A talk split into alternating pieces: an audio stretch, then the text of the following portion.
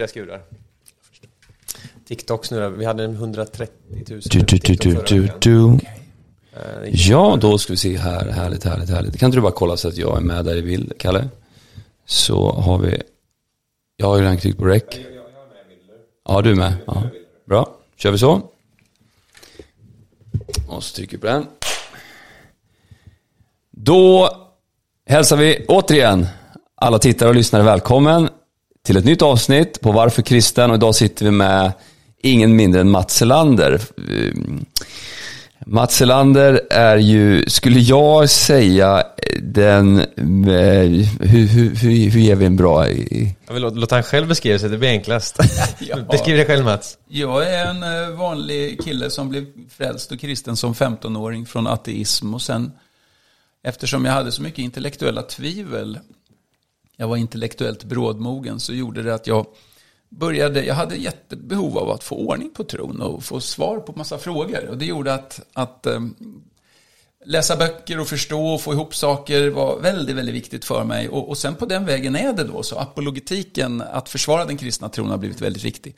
Men att då inte bara försvara kristen tro sådär lite teoretiskt, utan försvara just de sakerna i den kristna tron som också angrips som hårdast, eller där vår kultur krockar som mest. Mm. Eh, och då kom till exempel abortfrågan upp när jag var när jag var eh, eh 20 år gammal gjorde lumpen på och var plutonsjukvårdare, fick praktisera på Södertälje sjukhus. Då, då blev jag erbjuden att sätta sån här nål, droppnål på kvinnor som skulle göra abort. Och då liksom översköljde den här frågan mig. Då hade jag varit kristen ungefär fem år.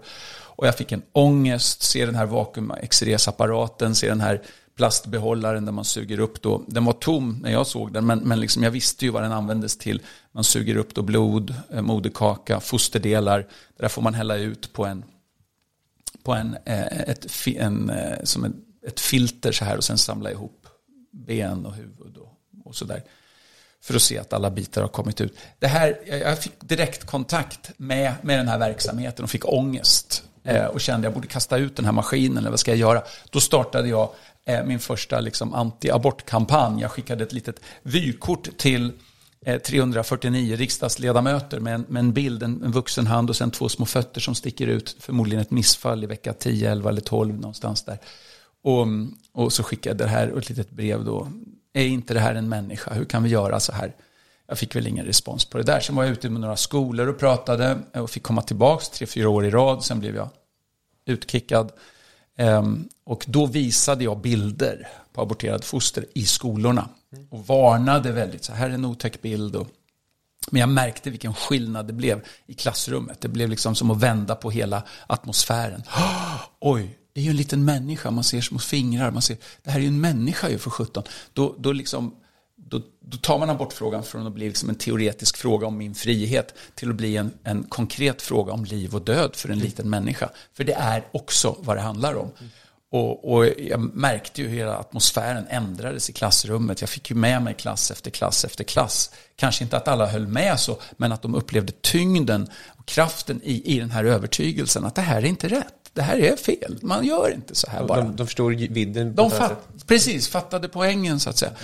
Så att det var så det började då med, med den saken. Men, men överhuvudtaget så är det så för mig att, att jag vill ge mig i kast med sådana frågor där jag själv har kanske haft tvivel eller där jag känner att kulturen krockar med min övertygelse och lägga fokus på det. Just, just det. Men den här övertygelsen säger du, den påbörjade, eh, den kom i och med din kristna tro på ett sätt. Du blev frälst som, hur gammal var du? så? 15, år var jag. Ja. Berätta lite om den resan, hur du blev frälst och hur det var innan. Alltså jag, jag kommer från en väldigt trygg familj och så. Eh, en mamma som är, tror på psykologi och som har oerhört hon var, hemma, hon var hemma, hon kallar sig för feminist men hon var hemmafru i 16 år. Så jag säger morsan, du är ju inte feminist på riktigt. Du är ju... hon står för väldigt, egentligen ganska konservativa värderingar fast hon är inte alltid medveten om det.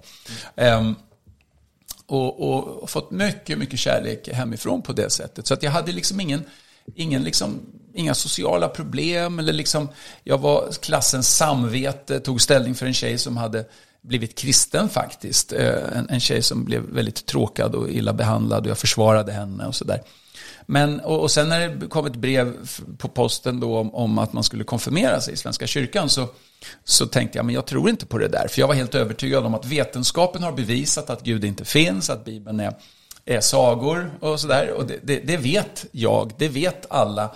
Eh, och, och, religiösa människor och kristna människor, de, de, eh, de, behöver en metafysisk nallebjörn och krama som lite tröst, eller så har de fått det med modersmjölken. Vad jag hade fått i min modersmjölk, så att säga, ateismen, det reflekterar jag inte över. Det var, det var, det var ju bara neutralt. Det var bara neutralt, exakt. Så jag var ju helt inne i det paradigmet. Och, men sen kommer jag ihåg, jag var väl kanske 14 år, låg i min säng, tänkte så här, när jag dör så försvinner jag. Och så går det en miljard år och jag är fortfarande borta. Eh, eh, det finns ingen mening, inget syfte med, med existensen. Det är slump på slump på slump. Att liv finns, att människor finns, att jag finns. Eh, det finns verkligen ingen mening med livet. Och då kände jag så här, då hade jag det här sanningspatoset. Det, det jag tror att det är sant. Jag vill se den sanningen i vitögat. Jag vill äta den sanningen. Och när jag liksom försökte göra det så var det som att stirra ner i ett svart hål och jag bara kände ångest. Och då tänker jag så här, om ingenting spelar någon roll ytterst sett, och, och på riktigt alltså inte spelar någon roll, då kan jag ju lika gärna bli kristen. Då kan jag lika gärna bli en religiös knäppskalle. För jag hade träffat, jag, jag, jag, jag eh, jag gick igenom konfirmationen, för min pappa tyckte att du kan ju inte förkasta något som du inte vet vad det är. Mm. Nej, det var ett bra förslag. Okej pappa, jag konfirmerar mig för att se vad kristen tro är. Och då hade jag träffat kristna ungdomar och, och en präst som var verkligen bibeltroende och trodde på tecken under och berättade om mirakler och sånt där som jag tänkte, är han knäpp i huvudet eller kan sånt här hända? Och, och, Jesus var väldigt attraktiv för mig. Wow, en person som gör så här, som säger så här. Om det har hänt, det är vetenskapligt omöjligt, det kan inte hända. Men om det har hänt, då är det helt otroligt. Så skulle jag gärna tro på det. Så kände jag. Så att jag tänkte då när jag låg i min säng att, att ja, om det här inte, eh, om, om, om ingenting spelar någon roll, så spelar det ju faktiskt heller ingen roll om jag lurar mig själv hela livet och, och blir en religiös knäppskalle som tror på Jesus.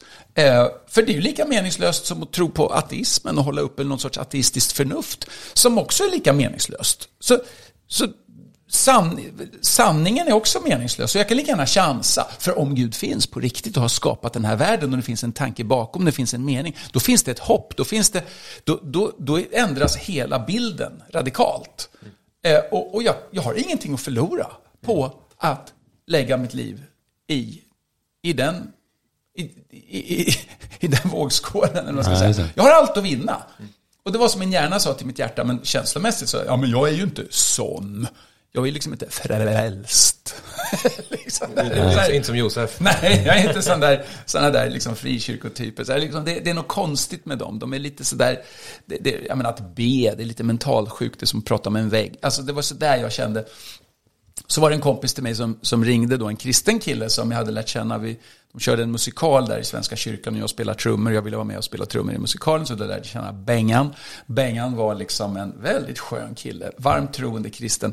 Han ringde mig och frågade, vill du vara med på ett möte Matte? Ett kristet möte? Jaha, vad är det då? Ja, men häng med får du se. Okej, okay, kan vara kul att veta vad Bengan gör om kvällarna. Så jag tog pendeltåget tillsammans med honom in på, till Stockholms södra. Vi kom till en sporthall och i den där sporthallen så står det massor med människor och ropar halleluja och Shabadoo och alltihopa. Jag tänkte så här, shit Bengan, vad är det du har tagit mig till? Det här är ju liksom mest, alla Stockholms religiösa knäppskallar samlade på ett och samma ställe. Och här är jag, som om jag var intresserad av det här. Det här är pinsamt. Så jag switchade om hjärnan och tänkte, det här är en rörelse som finns idag i Sverige. Nu ska vi se vad de tycker, vad de står för. En journalistisk attityd. Så där jag lyssnade på predikanter, förstod vad en del sa, förstod inte vad en del andra sa överhuvudtaget. Men jag tänkte så här, beter man sig så här, liksom står så här och prisar Gud, då tror man på sin grej. Det är i alla fall klart, även om det är pinsamt. Va? Och så tänkte jag så här, om Gud finns så kommer han svara mig. Om Gud inte finns så går bönen ut i tomma luften och ingenting händer. Jag har ingenting att förlora. Och nu är det så många knäppa människor här så det är ingen som märker om jag är knäpp några sekunder. Men vad kommer mamma och pappa säga? Tänk om jag blir kristen? Vad kommer släkten säga? Vad kommer... Kom, nej, jag skiter i dem, för om Gud finns så är han viktigare. Jag tänkte den tanken bokstavligen. Sekunderna innan jag bad min första bön. Och då sa jag, Gud finns du så vill jag tro på dig. Och då hände ingenting som man kunde se, men det föddes en tro i mig och min tonårshjärna reagerade. Shit, Gud finns. Jag tror. Mm. Är det så här jag blir hjärntvättad? Ungefär va? Yeah. och, och, men det föddes en tro i mig. Och Bengan han tittade på mig och Matte har du blivit frälst nu då? Frälst, vilket ord. Så här, va? Ja, det var väl det som har hänt som han syftade på. Ja, jag har kanske det. Så här, ja, det var det jag visste, sa Bengan och kramade mig. Vi blev liksom som bröder från den dagen faktiskt. Otroligt fin. Och wow. vi har fortfarande Vad coolt. bra alltså. relation. Ja. Ja, så blev det. Så blev jag kristen. Min mamma hon tyckte ju att det var konstigt då. Mina föräldrar så här, de, de undrade så här, men, och min mamma som då tror på psykologi. Men Matte, har vi sårat dig pappa och jag eller gjort dig illa på något vis eftersom du nu vänder dig till något som inte finns? Med dina behov. Ja, men mamma, du har väl inte skapat universum? Du ger väl inte liv och mening till allt som finns? Du är ju mamma, men det finns väl plats för Gud också, morsan? Ja, ja, ja, sa hon. Som morsor säger när de inte har något bättre att säga. Fattar. Okej, och det här har då lett till att du måste ju vara då en av de mest icke-PK-kristna i dagens frikyrka. Eh, Ja, inte vet jag. Alltså en sak kan man väl säga. Att I och med att, att, att jag vill vara genomtänkt och i och med att jag har hållit på med just apologetik så pass länge. Så har det blivit för mig en sån sak som att, att, att stå för det jag är övertygad om och stå för det som är sant no matter what. Va? Det, det, det, det är en del av, av hurdan jag, jag är. Även som icke-kristen så stod jag för sådana här saker. Jag utmanade killar som hade slagit en, de hade slagit en kille i klassen så att örat nästan hade lossnat lite grann. Och så här. Jag blev väldigt upprörd på det, så jag konfronterade de här liksom, killarna i, i skolan, de här killarna som alla var rädda för. Så att jag har, jag har liksom inom mig ett rättspatos, en känsla av att nej, är det fel så är det fel och då måste man konfrontera det på något vis. Så, så inte för att jag är särskilt, ja men modig kanske jag är i vissa avseenden, men jag, jag är inte orädd. Utan jag är ganska rädd. Jag är ganska svensk. Jag vill helst inte ha konflikter. Jag vill inte hålla på och bråka. Folk tror att, att Mats Elander, han tycker om att bråka. Jag tycker inte alls om att bråka. Nej. Jag tycker det är jättejobbigt att bråka och konfrontera folk och sånt där. Men jag har ett inre tryck, både i form av, av argument och sånt där, och sen övertygelse och hjärta. Allt det där samverkar för mig. Så att, nej men jag, jag, jag får inte ro om jag inte på något vis gör det som jag upplever åligger mig att göra. Liksom. Intressant, för jag tänkte vi ska väl snacka lite om abort, om varför du anser att abort är fel, varför det går emot Bibeln eh, och sådär. Eh, Jag tänker innan vi liksom kommer dit, så kan vi inte bara prata lite om det här med att ens tro kopplat till ens värderingar och de värderingarna ibland clashar med samhällets värderingar. Just det. Alltså, eller kulturens värderingar, eller det som är inne och tycka och sådär. Och eh, Ja, för att det är så, här, vi, vi tror ju på Bibeln, vi tror att Bibeln är Guds ord. Vi tror att Bibeln såklart ska tolkas, men att det ändå finns någonting som är sant. Det finns ett norr, det finns ett söder. Man behöver inte tolka någonting om man inte tror att det finns en sanning där med ett budskap som man ska förstå. Att tolka är att förstå någonting. Exakt. Annars så vantolkar du det, så att säga. Eller misstolkar du det. Ja, så, så att det ligger en tolkning betyder inte att jag trycker in min egen åsikt i det, utan jag tolkar dig nu. Ja. Det är för att jag vill förstå vad du säger, vad, vad du tänker. Det tolkning går ut på att fokusera på informationskällan och förstå vad den säger. Ja. Och självklart så, så är det det alla måste göra. Vi tolkar Expressen när vi läser den. Vi tolkar hela tiden. Mina ögon tolkar synintryck. Det är tolkning som pågår hela tiden. Men tolkning är någonting som vi, som vi gör för att få kontakt med verkligheten. Få kontakt med den som kommunicerar. Så, ja, förlåt, nu triggade du mig. men jättebra. Alltså det här är ju, Ja. precis, och, och, är, vi tror ju att Gud säger något liksom. Exakt, ja. Alltså, vi Gud tror har att, talat. Ja, Det, Gud finns, har det talat. finns något, precis. Och, det, och han har absolut visat det såklart i, i att han gjorde sig själv till människa och gjorde sig synlig i Jesus Kristus. Liksom. Mm. Att han dog och att han uppstod. Och, och, och att lärjungarna sen skulle gå ut till hela världen och predika om att han hade uppstått. Mm. Och att lära folk det han hade sagt. Hålla, lär dem att hålla mina bud. Ja, Precis. precis. ja. Mm. Eh, och där, där kommer ju då att ens tro blir, blir på det sättet kopplat till ens värderingar. Det är oundvikligen så. Ja. Det är oundvikligen så. Och dessutom är det så att vi, om, vi, om den Gud vi tror på, om vi säger att vi tror på en god Gud, Ja. ja, det är ju en värdering. Vad, vad betyder det att Gud är god då? Exakt. Alltså, så, att, så att en rättvis, en helig Gud. Alltså hela poängen med att tro på Gud är ju att det finns ett innehåll där Gud står för någonting. Mm. Om man inte står för någonting så kan du tro på vad du vill. Då har du bara en, en tom bubbla eh, som du tror på. Om du kallar den för Gud eller vad som helst, det är skitsamma. Det är absolut så. Och här är min uppfattning att väldigt många kristna ledare idag i Sverige eh, verkar ha gjort en sorts kulturanalys först. Där man på något vis känner av så här, så här var, var går gränsen? Vad, vad är det som får sägas? Vad är det som inte får sägas? Och så drar man den gränsen. Låt oss säga att, att det här bordet är den gränsen. Inom, inom den, så, det här får du säga. Det som hamnar utanför, det är ajabaja. Då kommer kommunalpolitikerna eller då kommer journalisterna och säger sådär. Åh, vad hemska ni är och då, då tappar vi bidrag eller då får vi dåliga relationer och, och då kommer folk sluta. Då blir folk arga på oss. De kommer sluta respektera oss. De kommer inte lyssna på oss mer. Och då kommer vi misslyckas. Och då gör man den här kulturanalysen. Och sen tänker man, vad säger Bibeln? Oj, Bibeln säger saker som hamnar utanför det. Ja, men då ska vi inte prata om de sakerna, utan då ska vi prata om det som finns på bordet och som kulturen säger är okej okay inom den kristna tron. Och så fokuserar vi på det. Och så håller vi tyst eller tonar ner sådana saker. Och jag tänker precis tvärtom. Jag tänker så här, ja, men först gör vi en biblisk analys. Vad är det Bibeln säger? Och den säger massa mer saker än, än det som vår kultur godkänner. Sen kollar vi, vad säger kulturen att vi får säga? Aha, men då kommer alla de här bibliska sanningarna utanför. Okej, okay, ja men då så. Då lägger vi extra fokus på de sanningar som vår kultur förnekar. För det är precis de som, som det är precis där vi blir angripna av både så att säga synden, världen och djävulen och så här som, som Luther säger. Alltså det är där vi får som mest motstånd. Och Luther har sagt, och det här gillar jag honom för, jag gillar inte allt som han sagt, men det här tycker jag är jättebra. Om vi är soldater för Kristus och så drar vi oss undan från de fronter där mm. striden är som störst, mm. då sviker vi vår Herre. Då är vi inga soldater för Kristus. Vi måste lägga mer krut. Och här kommer apologeten i mig. Men jättebra, då pratar vi mer om det där som kulturen tycker är obegripligt. Mm. Därför att det där, och visst, det kan finnas perifera saker som kanske, där man inte vill lägga så mycket krut på. Men grejen är ju den, konflikterna handlar ju om individualism, det handlar om synd och omvändelse och Bibelns sexualetik och Bibelns syn på människovärdet. Det är ju viktiga saker från Bibelns eget perspektiv som vår kultur frontalkrockar emot. Mm. Och vi kan inte vara trogna Herren och, och Guds ord om vi inte så att säga, ställer oss i samma konflikter som Gud har med Sverige. Ställer vi oss på Sveriges sida, då har vi ställt oss mot Gud. Mm. Och det här är allvarligt. Det här är allvarligt. Jakob säger i sitt brev att den som vill vara världens vän blir Guds fiende. Vare sig man lyckas med att bli världens vän. Det är inte den som lyckas med att bli världens vän, utan den som vill vara det. Ja, precis. Vare sig man lyckas eller ej. Va? Och, och, här är jag ju väldigt bekymrad över till exempel det samfund som jag tillhör, pingströrelsen.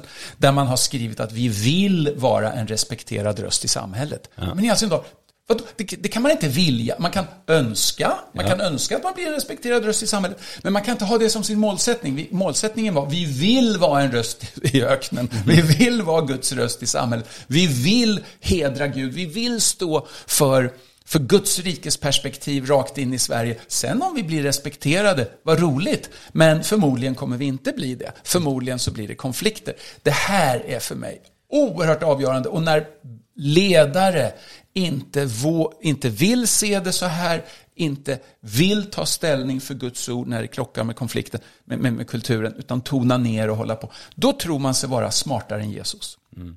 Och det är ett högmod. Och det är livsfarligt. Och vi har för många sådana ledare i frikyrkan, Svenska kyrkan och Ekumenia. De har inte sådana ledare för att de, de, där är det många ledare som inte ens är kristna. Ja. Alltså, de har liksom släppt det helt och hållet. Va? Men bland bibeltroende församlingar, då är det precis det här som händer. Att man, att man så att säga, tonar ner det som, där, där, man tonar ner de sanningar i Bibeln som kulturen säger, ajabaja, det där får du inte tro på. Och vem är det man har gjort till auktoritet då? Sverige. Ja. I'm sorry. Sverige är en historisk parentes. Den tillhör en fallen värld. Det är Guds rike som är vår referensram. Och jag är så trött på kristna ledare som, som inte på något vis, som har problem med det här perspektivet som jag pratar om nu. Yeah. För, för jag, gode Gud, det betyder Men. inte att jag har rätt för att det är jag som säger det. Jag säger det för att jag uppfattar det, att Bibeln säger det och Bibeln har rätt. Ja, det, det är därför jag säger det. Det kan ibland finnas, kan jag uppfatta också, någon form av att, ja men, eh, många nästan alla skulle egentligen säga, igenkänner väl i mångt och mycket samma grejer rent alltså på ett metaplan. Jo, vi tror på människovärde och sådana saker. Ja, just det. Men när väl kom till kritan sen, the rubber hits the road. Ja, nej, men jo, men det, vi ska inte, nej, men vi ska inte. Jag vet. Men det, det, där det blir liksom problematiskt kan jag tycka. Ja, ja. För liksom det blir, det blir väldigt liksom anpassningsbart efter allting. Men det finns väl två, egentligen, två kategorier, lite det du säger. Du har ena kategorin som säger så här, nej men det där tror vi inte på. Vi, vi, Bibeln är inte utgångspunkten, eller jag försöker göra Bibeln till, jag, jag hittar andra argument och jag, jag vill inte veta av mm. den bibliska sanningen. Mm. Det är den ena liksom. Mm. Och därav så passa, anpassar sig mer till kulturen och till det som är inne och det som man ska säga och tycka och, och tänka. Mm. Och, och då börjar man prata mer om miljö nu liksom. Och så pratar man om vissa andra så här. Som det, här det här pratar världen om nu, så ja. det ska vi prata om. Och de här grejerna som Bibeln pratar om som, som, som går emot det, det, nej, vi, vi, vi pratar inte om det. Och så är man ärlig med det och säger, nej men vi, vi, det är liberalteologer. Det är det, det första. Är ja. precis. Men den andra stora, och det, som jag tror, i frikyrkan så är det den stora kategorin. Just det är de där som säger så här, men jag tror på det. det. Jag tror på Bibeln. Mm. Och jag ser eh, kulturens analys, eller jag, jag har en analys på kulturen. Mm. Men, och jag ska försöka använda det på något sätt. Men det man egentligen är faktiskt, och det är ju så, man är för feg för att faktiskt adressera det. Mm. Man vill inte prata om det för att man helt enkelt har för mycket att förlora. Och så, så, kan det vara. Och så, så skyller man liksom på något vänster någon form av street smarthet liksom. Att vi, ja, men vi, så här, och vi, vi, vi, står upp och vi tror på det här. Kruxet på något vänster är att om man inte adresserar svåra frågor generellt, oavsett, eller svåra, alltså kulturellt svåra frågor, oavsett vilken fråga den är. Mm. Eh, kruxet blir någonstans att eh, man kan ha en självbild att vi är bibeltrogna, vi är konservativa, vi är radikala för Jesus. Men ifall man inte adresserar de här grejerna och lär nästa generation vad man faktiskt själv tycker och varför man tänker som man tänker. Mm. Det som händer då är att man kommer bli förvånad efter 18 år när, när kidsen kommer hem eh, som romare liksom. Skickat iväg dem till, liksom, till romarriket. Där har de fått undervisning i alla år, så kommer tillbaka. De är inte som oss. Vänta, de tänker helt annorlunda. Varför? Mm. De har blivit romare för att de har blivit undervisade av Rom. Och vi har liksom lagt allting på, vi har outsourcat allt från ansvar och uppfostran, inte mitt ansvar som förälder, det, det, det stora staten eller det liksom mm. kollektivt vad det nu må vara. Um, och man ska inte göra allting för, för svartvitt på något sätt. Jag tror det är samhället tillsammans. Men familjen, församlingen är till den största del det mest avgörande eh, i att forma, upprusta, utrusta och uppfostra eh, morgondagens samhällsmedborgare. Så är det. Och, och, då, måste, och då måste vårt ja vara vårt ja, ett ja och vårt nej måste vara ett nej. Mm. Och här, här tycker jag ibland att, om man går tillbaka till abort då, så här, ja men vi vill säga ja till livet, vi vill inte säga nej till abort. Ja, då skulle jag säga, det är ungefär som att säga så här, vi vill säga ja till, till att judar ska få leva, men vi vill inte säga nej till Auschwitz. Nähä? Mm. Vi, alltså, du vill inte säga nej till Auschwitz? Nej, du vill inte säga nej till död? Du vill inte säga nej till att man medvetet tar livet av människor? Därför att de är oönskade? Du vill inte säga nej till det. Och grejen är den, säger vi inte nej till det så betyder inte vårt ja någonting. Nej, exakt. Det är precis det det är. Och det, det, är, det är den här att man tror att man på något vis kan få både och. Va? Mm. Det är det som måste upphöra. Det måste mm. upphöra därför att vårt ja måste vara vårt ja och ett nej måste vara ett nej. När vi håller på och vacklar, allt som är därutöver är av ondo. Det här är av ondo och vi tror då att vi på något vis kan förbli världens vän och vara Guds vän. Och här bedrar vi oss själva. Det är det här jag vill, jag vill att kristna ledare helt enkelt bara slutar med att resonera på det sättet och tro att de är visa. Det är inte vishet. Antingen är det människofruktan mm. eller människohänsyn. Eller så har man helt enkelt blivit förförd mm. att tänka på det här sättet. För det är andra ledare som har sagt det. Så man har liksom bara tagit in det här sättet att tänka utan att reflektera.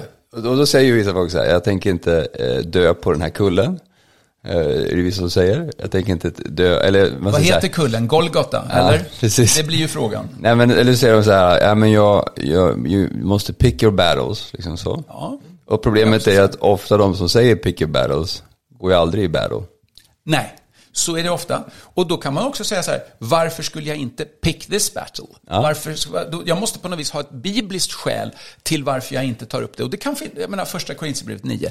Jag vill bli allt för alla. Alltså att börja prata om sabbaten med en hedning till exempel. Ja, Bibeln pratar om sabbaten, men en hedning tillhör inte Guds folk, judarna på det sättet och sabbatsbudet är förmodligen inte tillämpbart. Ska jag hålla på och prata om det då? Liksom, nej, men det är, Nej, det, det, kan väl vara bra om han firar gudstjänst och så. Alltså man börjar där personen befinner sig. Ja. Alkoholfrågan till exempel, som jag tänker, frikyrkan och pingströrelsen, ja, vi ska vara mot alkohol hela tiden. Men vänta nu, Jesus gjorde 400-600 liter vatten till vin på en bröllopsfest när folk redan var lite fulla. Alltså på något vis så, så Bibeln har en försiktighetsetik, men har vi då en förbudsetik? Alltså Pick your battle, absolut. Mm. Men motivera your pick med bibliska argument. Var genomtänkt. Var, det är inte din rädsla som ska styra vilka, vilka battles du väljer. Ja, precis, för man, man kan vara dum och kall och eh, ovis på många sätt och, mm. och, och pick the wrong battles på alla fel sätt egentligen. Ja, det går. Eh, så det finns ju alltid någon form av eh, implikation som kan variera hur man lägger fram i saker. Men att konsekvent stå för någonting, det är ju avgörande. Ja. För om vi inte liksom, eh, om inte, om inte vi låter vårt salt förbli salt, vi ska blanda upp det med andra saker. Mm. Ja, men då liksom, då, då, då kastas det ut. Det duger ingenting till. Vi har inget att komma med. Nej. Oavsett vilken fråga det handlar om egentligen. Mm. Ifall vi inte står fast vid det vi tror på konsekvent. Mm. Eh, man kan bli jude för jude, grek för grek, återigen. Man kan vara street smart. Men någonstans vara konsekvent, det tror jag är en, en ödesfråga för oss. Och här är det också så, varför vill jag vara en jude för jude? Varför vill jag vara en grek för en grek? Det är ju för att jag vill nå fram ett budskap. Mm. Och vad är budskapet då? Exakt. Du måste omvända dig. Jesus har dött på korset för din synd. Du är på väg till evig död om du inte vänder om. Det, vi vill ju förmedla det budskapet. Mm. Och att vi då anpassar oss i början betyder ju inte att vi anpassar oss i slutet. I slutet när vi har fått en pedagogisk kontakt, när vi hittat gemensam mark, då måste vi säga som Paulus.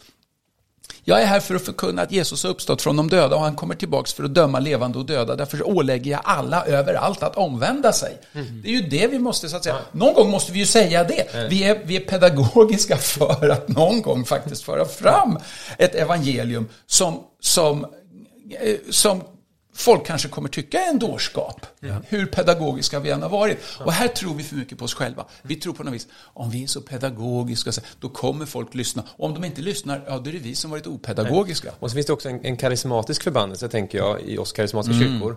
Det är att vi någonstans tror vi tror med rätta på ett plan att mötet med Gud, mötet med den helige ande förvandlar liv. Det gör det 100%. Mm. Men ibland sätter vi en övertro till att, att Gud enbart ska gripa in på en vänster utan att någon säger någonting och helt plötsligt ska formas människor som tycker som oss utan vi har vågat säga de här grejerna. Att möta med Jesus, bara för att möta Jesus, sen kommer allt att lösa. Jo, det är jättebra, möte med Jesus förvandlar, det lägger grunden, du får ett nytt hjärta, där finns nyckeln till allting. Varför undervisade Jesus folken jättemycket? Exakt. Varför gjorde han inte bara miraklerna och sen var det klart? Exakt. Tio spetälska blev friska, en kom tillbaks. Ja. De andra nio var glada att de var friska, men de brydde sig inte tillräckligt mycket om honom som hade gjort dem friska för att liksom gå frälsningens ja, väg. Och tron kommer av predikan och för att kunna förstå tron så måste vi faktiskt kunna predika också. Mm. Måste man sätta liksom, alltså, det måste få, ta sig uttryck till någonting. Just det. Eh, och det tror jag är superviktigt. Ja, Men bara to cut to the chase egentligen, utifrån mm. den grunden som är lagd nu, att, att tron på Jesus manar oss att leva för evigheten, tron på Jesus förvandlar våra liv. Eh, man kan vara vis, man kan vara ovis hur man lägger fram i saker, man ska vara så vis som möjligt. Mm. Men det kommer till den här brännheta frågan kring människoliv, mm. Mats, eh, vad skulle du säga när du träffar människor, vad är de främsta motargument du får höra? Och hur bemöter du dem? Ja, alltså, det, det, det, det, det finns väldigt många dåliga argument. Du är man, du har ingen rätt att säga någonting och sådana här saker. Va? Och det, ta, ta, ta, ta de bästa argumenten. De bästa argumenten, det är väl tre stycken. Det är Eh, kvinnan har rätt till sin kropp. Det är inte något särskilt bra argument, men det är liksom det som är det väldigt vanliga då. Kvinnan har rätt att bestämma över sin kropp på ett sådant sätt att hon har bestäm, rätten att bestämma över det nyfödda barnets kropp och bestämma liv och död för det. Det är egentligen vad det handlar om. Eh, jag brukar säga, jag tror på allas rätt till sin kropp, även de ofödda, de ofödda flickornas rätt till sin kropp. Mm. Alltså, jag får svinga min näve i vilket luftrum som helst, men om din haka helt plötsligt befinner sig där, då begränsas min eh, kropps, mitt kroppsliga självbestämmande moraliskt av din kroppsliga närvaro.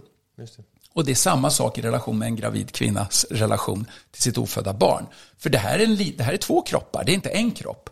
Så, så jag skulle hålla med om att ja, alla har rätt till sin kropp. Mm. Även de ofödda barnen. Och vi måste respektera, jag får aldrig göra med min kropp på ett sådant sätt att jag skadar eller medvetet dödar en annan människas kropp. Eh, så, så, det här är ett, och det, det intressanta är att de som säger allas rätt till sin kropp inte följer den devisen eh, eftersom de säger att abort inte ska vara tillåtet efter vecka 22. Så helt plötsligt så är det massa gravida kvinnor efter vecka 22 upp till vecka 40 som inte har rätt till sin kropp på deras sätt att tolka just det uttrycket. Nej, utan då har plötsligt fostret rätt till kvinnans kropp. Så de är abortmotståndare under andra halvan av graviditeten. Och jag säger så här, varför det då? Ja, men därför att det är en människa. Ja, men det var det ju från början. Mm.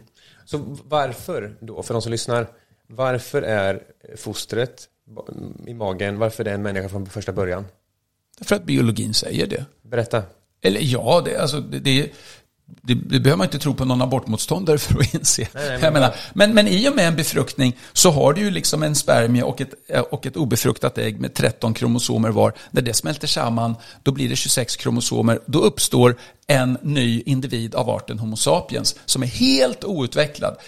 Var och en av oss var encelliga organismer precis i början. Men det är en explosion av utveckling och efter bara några veckor eh, så har du ett litet eh, hjärtceller som pumpar. Efter eh, ytterligare några veckor så finns det uppmätt hjärn, hjärnaktivitet. Det betyder inte att att det embryot eller så småningom fostret liksom kan tänka. Men poängen är, det är en människa. Och alla de egenskaper som typiskt hör till den människan finns så att säga nedlagda redan från början. Och, och, och det är inte något som kommer utifrån, det växer till inifrån. Och det betyder att det, det här är en människa, biologiskt talat så är det en människa. Och ska vi då ta människovärdet på allvar, där FN definierar det och i inledningen till FNs mänskliga rättigheter och deklaration om de mänskliga rättigheterna så står det just att de här rättigheterna tillkommer alla som hör till människosläktet. Så det är precis det som är FNs idé. Att det inte för att, du- för att du är smart eller utvecklad eller vit eller, eller man eller kvinna eller, eller med, vid medvetande eller beroende eller oberoende. Allt det där är irrelevant för människovärdet. Är du en människa, det räcker för att du ska ha ett människovärde. Det betyder att du har grundläggande rättigheter till skydd, där den viktigaste rättigheten är, det, är rätt till liv. Och det här är ju liksom hela, och då säger de, men det är ju kristet, det är ju, ja, om FN är en kyrka, så är det här kristet. Ja, det kommer från den kristna tron, eh, kulturellt och historiskt, ja. Men det är en intuition och en övertygelse som du kan ha även om du inte är kristen. Och som människor över hela jordklotet har. Därför att det är så vi intuitivt upplever människan. Hon är värdefull, det finns ett värde i människan. Det räcker med att du har den moraliska övertygelsen, det är det vi vilar på. Så att, så att Ja, men här blir det ju jättemycket diskussioner då. Jag står ju på Plattan och, och i Stockholm eh, och, och visar bilder på aborterade foster på, på offentligt då. För att visa just att ja, men det är inte en del av kvinnans kropp, det är en egen kropp. Och det är inte bara en cellklump. Jo, det är en cellklump, men du är också en cellklump. Alla är vi cellklumpar. Och vi är människor, vi är mänskliga cellklumpar, värdefulla cellklumpar. Och därför så är den här lilla cellklumpen också värdefull, för det är en människa. Du såg ut så här i, i, i den åldern. Minus då att, att det är ett söndertrasat barn då, eller ofött barn.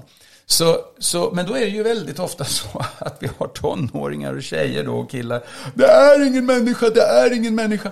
Och jag säger, ja men men vetenskapen är ganska tydlig. Sök bara på nätet på, på eh, Life Begins at Fertilization. Du kommer in till, på Princeton till exempel. Du har liksom hundratals referenser eh, på, på, till eh, embryologiska textböcker på universitet och så vidare. Som just säger ett nytt mänskligt liv börjar i och med en befruktning. Så det, det är vetenskapen i det Så hela. vetenskapligt så är människoliv det från, från början egentligen. Så fort spermien befruktar ägget. Eh, bibliskt, har liksom något, något bibliskt argument för att Oh ja, eh, det finns ju bibliska argument. Det är bara det att de behövs inte. Men, men, men om, om, om man tvekar på det så, så finns det ju. Eh, Psalm 139 är ju det tydligaste skulle jag säga. Där du skapat mig i min moders liv.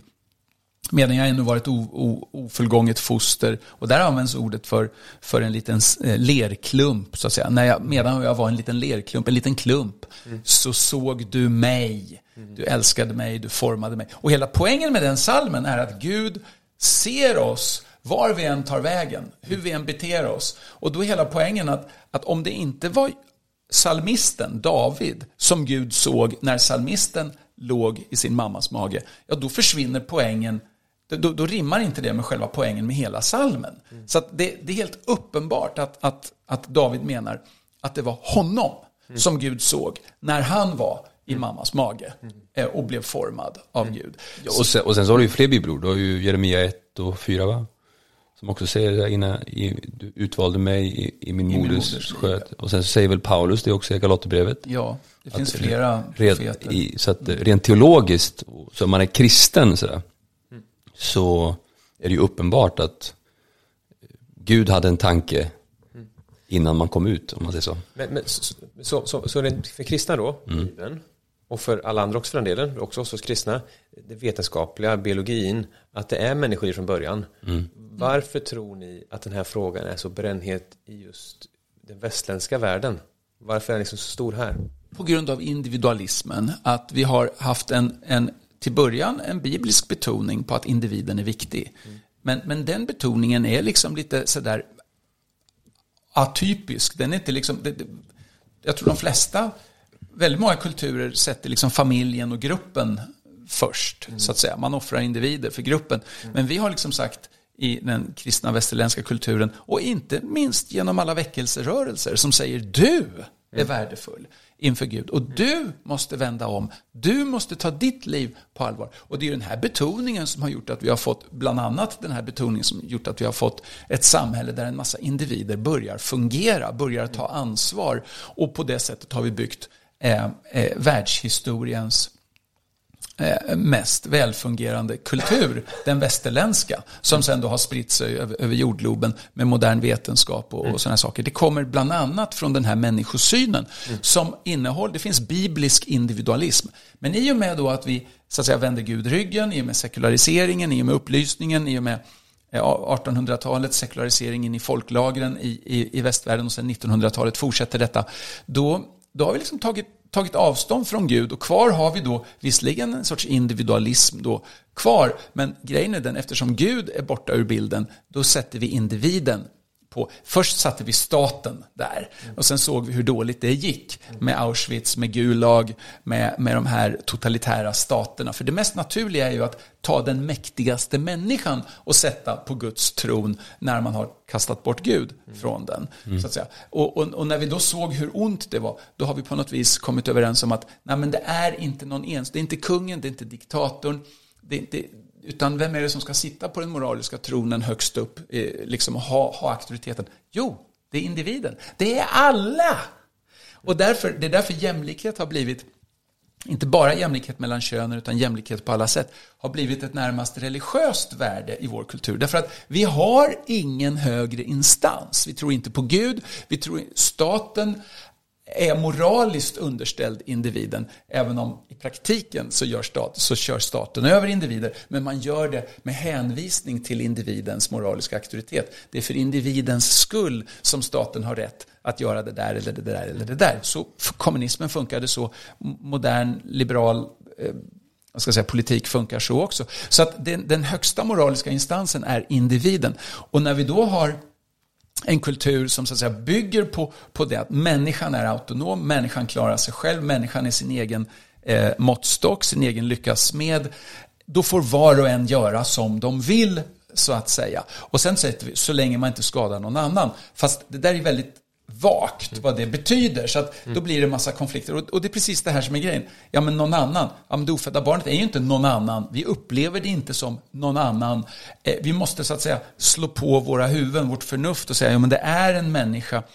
Ja, men jag känner inte det, jag upplever inte det. Så det blir upp, individens upplevelsevärld mm. som blir den yttersta eh, moraliska måttstocken på något vis. Och ett ofött barn finns inte i min upplevelsevärld, alltså har den ingen moralisk auktoritet. Och då gör jag som jag vill. Och så har vi då eh, ett samhälle som, som förstås, eh, när Gud försvinner ur bilden, vad är det för något som skapar lycka? Ja, det är att få sina behov tillfredsställda. Mat, sex, karriär, sådana här saker. Och då är det individen som får formulera det. Ja, men jag måste få göra som jag vill. Mm. Ja, men jag, vi vill ha sex. Jag vill ha sex. Varför ska jag? Jag älskar att ha sex. Varför ska inte jag få ha sex? Ja, ni märker, jag, jag pratar med så jättemånga tonårstjejer. Killarna är lite, de är inte lika aggressiva. Då brukar jag bli mer aggressiv och predika.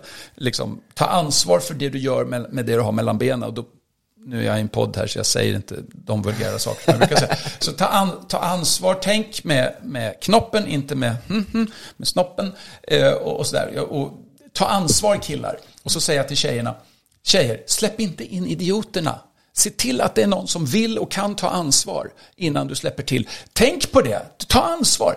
Du, ja, men jag har ju rätt att ha sex. Ja. Okay. Men om du tar dig vuxna rättigheter när det gäller att ha sex, då får du ta dig vuxna skyldigheter när det gäller konsekvenserna av ditt sexliv också. Du kan inte komma här och säga jag har vuxna rättigheter, men du har skyldigheter som ett barn. Ska du ha skyldigheter som ett barn, då får du ta rättigheter som ett barn och då ska du inte ha sex. Fattar du inte det? Du kan liksom inte hålla på och göra precis, du, du, du får vara konsekvent här. Va? Så ta ansvar. Så, så sådana där saker får jag så säga. Men då har vi ett, en kultur där njutning och sex liksom betraktas som en rättighet. En rättighet. Och då blir det så här, jag har rätt till det här. Och, då så, och eftersom det ofödda barnet inte finns i ens upplevelsevärld så har jag liksom rätt att bulldosa det. Jag har rätt till en abort. För abort är en nödvändig faktor för att jag ska kunna upprätthålla mina sexuella rättigheter eller mina individuell, individualistiska rättigheter att kunna planera mitt liv och sådana här saker. Så att det är en, när Gud försvinner, objektiv moral försvinner, det enda som är kvar är individen som har sin egen moraliska auktoritet för sig själv och sin egen upplevelsevärld som enda referenspunkt. Då försvinner sådana saker. Och då tror man bara på människovärdet i den meningen att jag har rätt att göra som jag vill. Människovärdet är ju framförallt en idé om vilka skyldigheter vi har mot andra människor. Inte bara om vilka rättigheter vi har. Mm. Och här, det, det, där blir helt skevt. Och, och, och individualismen, mänskliga rättigheter, reduceras, kollapsar in i, i ganska vanlig egoism, kort och gott.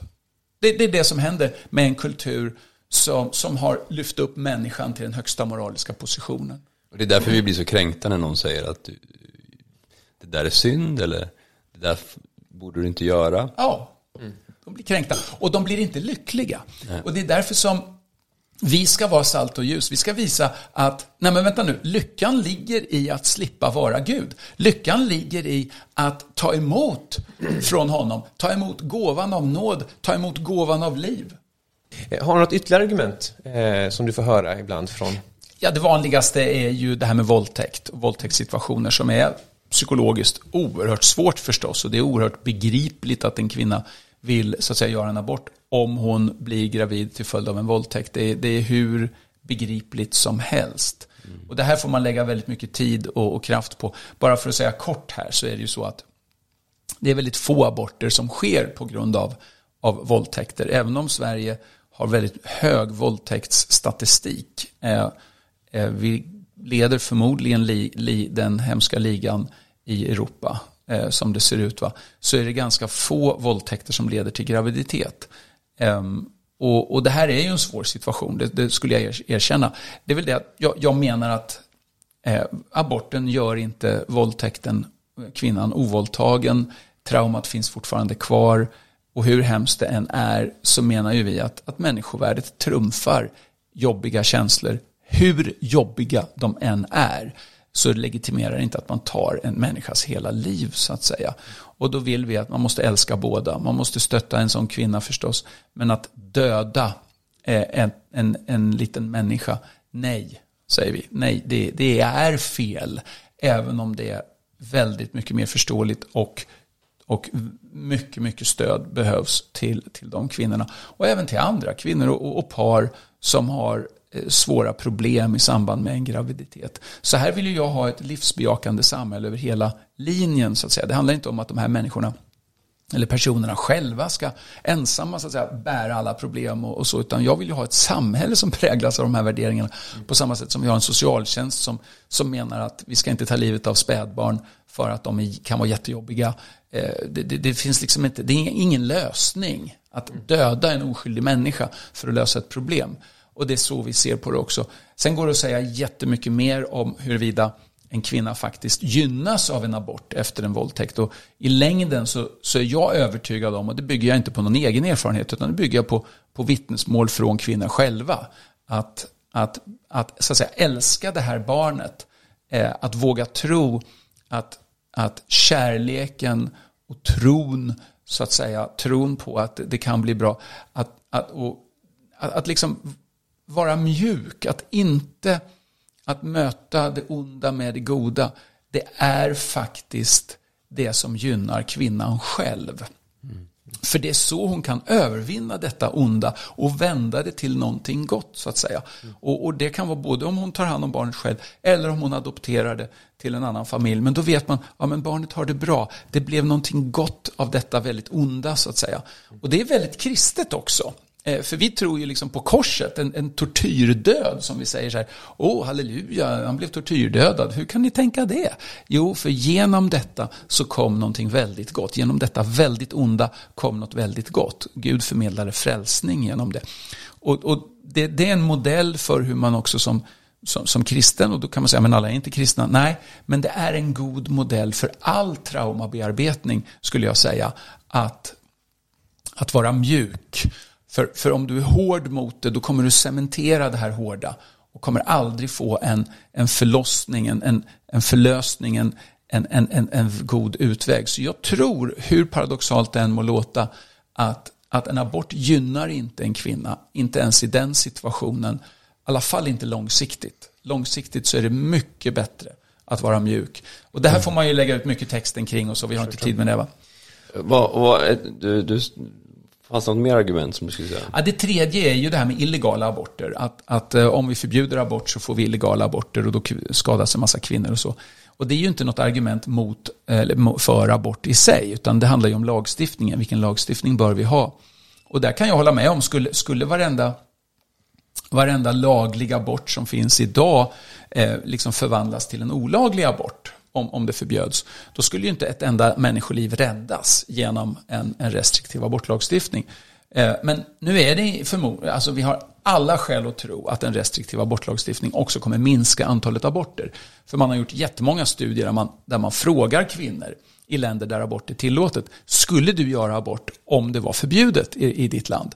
Och, och, en majoritet av kvinnorna säger nej, det skulle jag inte göra. Mm. Så, så, men, men jag tror inte på att först införa en lag. Jag tror att, att det måste på något vis, eh, vanligt folk måste fatta varför. Eh, och, och, vi måste gå den demokratiska vägen. Det går inte att liksom införa det ovanpå. Det måste finnas i folkvill, folksjälen och det är därför som jag gör det jag gör. Jag, jag kör inte lobbying mot politiker för de kan inte göra någonting i det här. Eh, däremot, den verkliga makthavaren är vanliga kvinnor och indirekt faktiskt vanliga män som trycker på eh, många gånger. Och, och, det är dem jag vill kommunicera till eh, och säga döda inte ditt ofödda barn för det är en liten människa. Och barnet dör och du kommer inte må bra av det här. Det här är inget gott för dig. Hur mycket du än trycker ner det, hur mycket den försöker lura dig själv, så gör det ont. Och det finns, en, en, eh, finns något som heter Eh, pro-life feminism. Det finns en, en kvinna som heter Fredrika Matthews Green som har sagt ett citat som har blivit väldigt, väldigt känt. hon säger så här att en kvinna vill inte ha en abort på det sätt som hon kanske vill ha en Porsche eller vill ha en glass. Hon vill ha en abort på samma sätt som ett djur som har fastnat med benet i en fälla och gnager av sitt eget ben. Det är så hon vill ha en abort. Det, abort gör ont. Det gör ont och hur mycket man än förnekar det så är det en, en förknippat med, med djup ångest och djup smärta. Eh, framförallt hos kvinnan men, men även hos män. Och det här är den förbjudna sorgen som man inte får prata om. Så att, så att det finns liksom inget gott med, med det här som jag ser det. Inget överhuvudtaget. Va, vad säger du till folk som har liksom gått igenom och gjort en abort och kommer till dig och pratar, eller kommer till er, er organisation och pratar? Ja, en del av dem är ju med i vår organisation. Ja. Så ja, men det är en sorg och det, det, det, behöver bearbetas och man behöver älta och man behöver sorg, sörja och det kommer ta den tid det tar och, och det kanske man aldrig helt och hållet kommer igenom. Eh, för det, det, går så djupt. Jag, jag har svårt att föreställa mig en djupare relation än den mellan en kvinna och det barn hon bär. så att säga. Jag, jag, tror att det är en av de djupaste mänskliga relationer som finns. Och när man liksom klipper den och när hon gör det medvetet, då går hon emot någonting djupt i hennes egen konstitution, är min övertygelse. Eh, och, och den grundar jag inte bara på min egen känsla, utan det grundar jag på en massa studier som visar att att kvinnor som gör abort, de, man ökar i droganvändning, i depression, i själv, självmordsförsök, i självmord, i olyckshändelser till och med. Alltså hela den här självrespekten försvinner i någon grad, man tar större risker, eh, ett, ett mera eh, lössläppt eh, sexliv, sexmissbruk, alla möjliga sådana här saker är förknippat statistiskt väldigt tydligt med abort. Eh, för det är en väldigt destruktiv handling. Så jag säger ju det, en abort dödar en människa och skadar en annan människa. Mm. Eh, ja. Och så, så, som kristna liksom, eh, finns det hopp?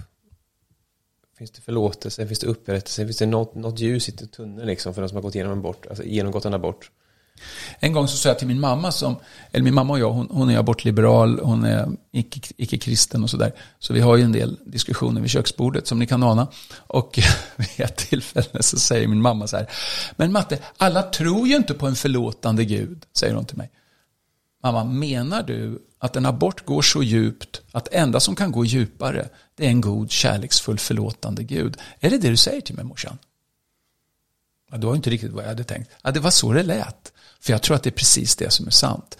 Alltså, det, det, här är Gud faktiskt vårt enda hopp. Och faktum är att det gäller inte bara abort, det gäller egentligen all vår synd, all vår trasighet. Vem är det som kan gå djupare? Vem är det som kan ge ett hopp? Vem är det som kan visa vägen framåt och till, till mer, ett, ett, mer, ett mer helt liv? Ja, det är, det är Gud och det han har gjort genom Jesus. Det, det, jag ser inte att det finns någon annan väg. Mm.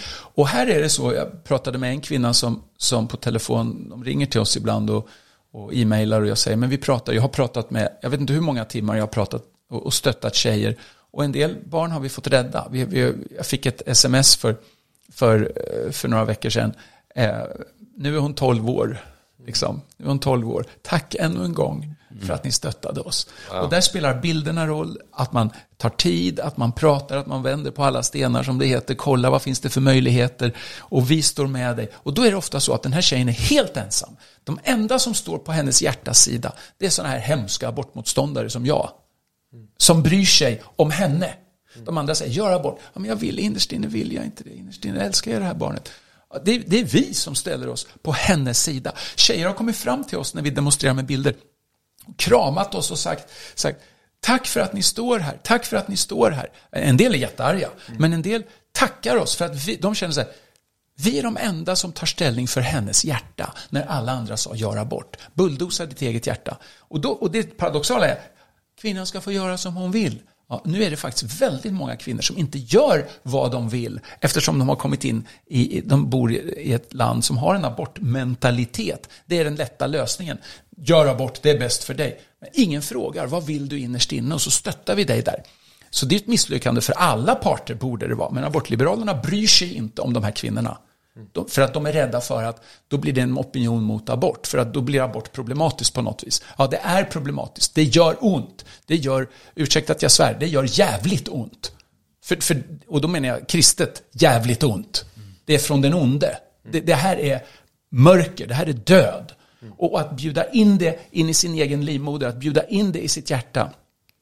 Alltså det är devastating, det är, det är förfärligt. Det är förfärligt. Jag, de här pro-life feminists som jag pratade om, de beskriver abort ungefär som, som att du har liksom en vacker fjällsjö, det är en bild på en kvinna och hennes själ.